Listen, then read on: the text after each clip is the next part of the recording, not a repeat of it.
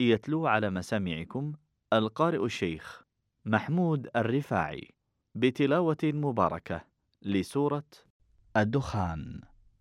أعوذ بالله من الشيطان الرجيم. بسم الله الرحمن الرحيم. حميم والكتاب المبين.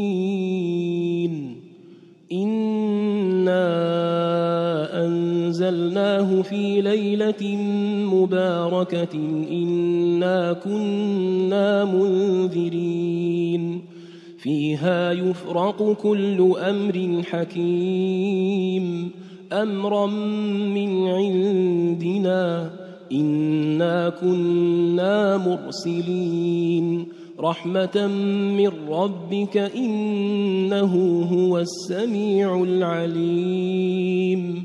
رب السماوات والأرض وما بينهما إن كنتم موقنين. لا إله إلا هو يحيي ويميت. ربكم ورب آبائكم الأولين. بل هم في شك يلعبون. فارتقب يوم تأتي السماء بدخان مبين. يغشى الناس هذا عذاب أليم. ربنا اكشف عنا العذاب إنا مؤمنون. أنا لهم الذكرى وقد جاءهم رسول مبين. ثم تولوا عنه وقالوا معلم مجنون. إنا كاشف العذاب قليلا إنكم عائدون يوم نبطش البطشة الكبرى إنا منتقمون ولقد فتنا قبلهم قوم فرعون وجاءهم رسول كريم. أن أدوا إلي عباد الله إني لكم رسول أمين. وأن لا تعلوا على الله إني آتيكم بسلطان مبين.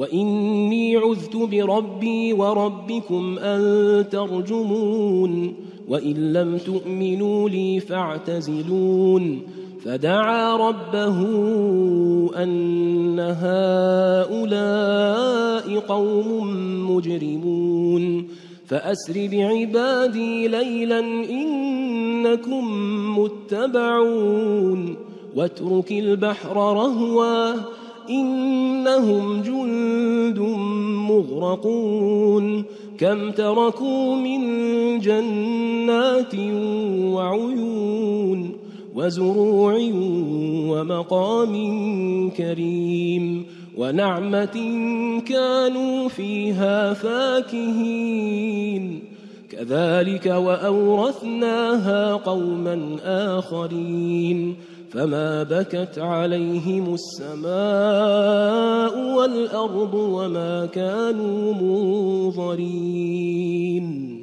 ولقد نجينا بني إسرائيل من العذاب المهين من فرعون إنه كان عاليا من المسرفين ولقد اخترناهم على علم على العالمين وآتيناهم من الآيات ما فيه بلاء مبين إن هؤلاء ليقولون إن هي إلا موتتنا الأولى وما نحن بمنشرين فأتوا بآبائنا إن كنتم صادقين أهم خير أم قوم تبع والذين من قبلهم أهلكناهم إنهم كانوا مجرمين وما خلقنا السماوات والأرض وما بينهما لاعبين ما خلقناهما إلا بالحق ولكن أكثرهم ولكن أكثرهم لا يعلمون إن يوم الفصل ميقاتهم أجمعين يوم لا يغني مولا عن مولا شيئا ولا هم ينصرون إلا من رحم الله. إنه هو العزيز الرحيم.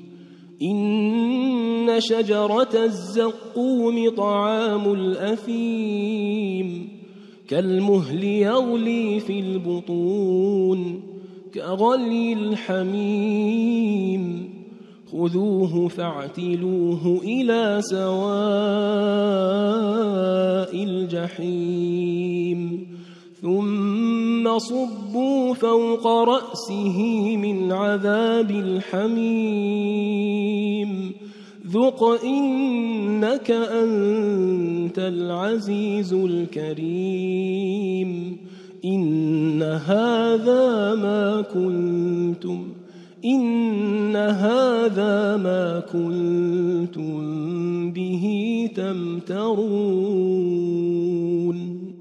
إن المتقين في مقام أمين في جنات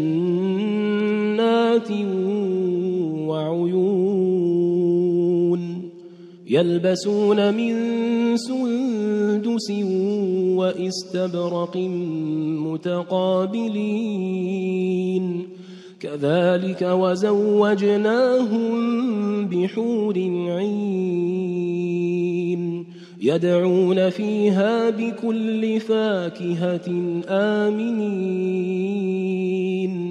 لا يذوقون فيها الموت إلا الموتة الأولى. لا يذوقون فيها الموت إلا الموتة الأولى. ووقاهم عذاب الجحيم. فضلا من ربك ذلك هو الفوز العظيم. فإنما يسرناه بلسانك لعلهم يتذكرون. فارتقب إنهم مرتقبون. كنا مع تلاوة القارئ الشيخ. محمود الرفاعي بتلاوته المباركة لسورة الدخان.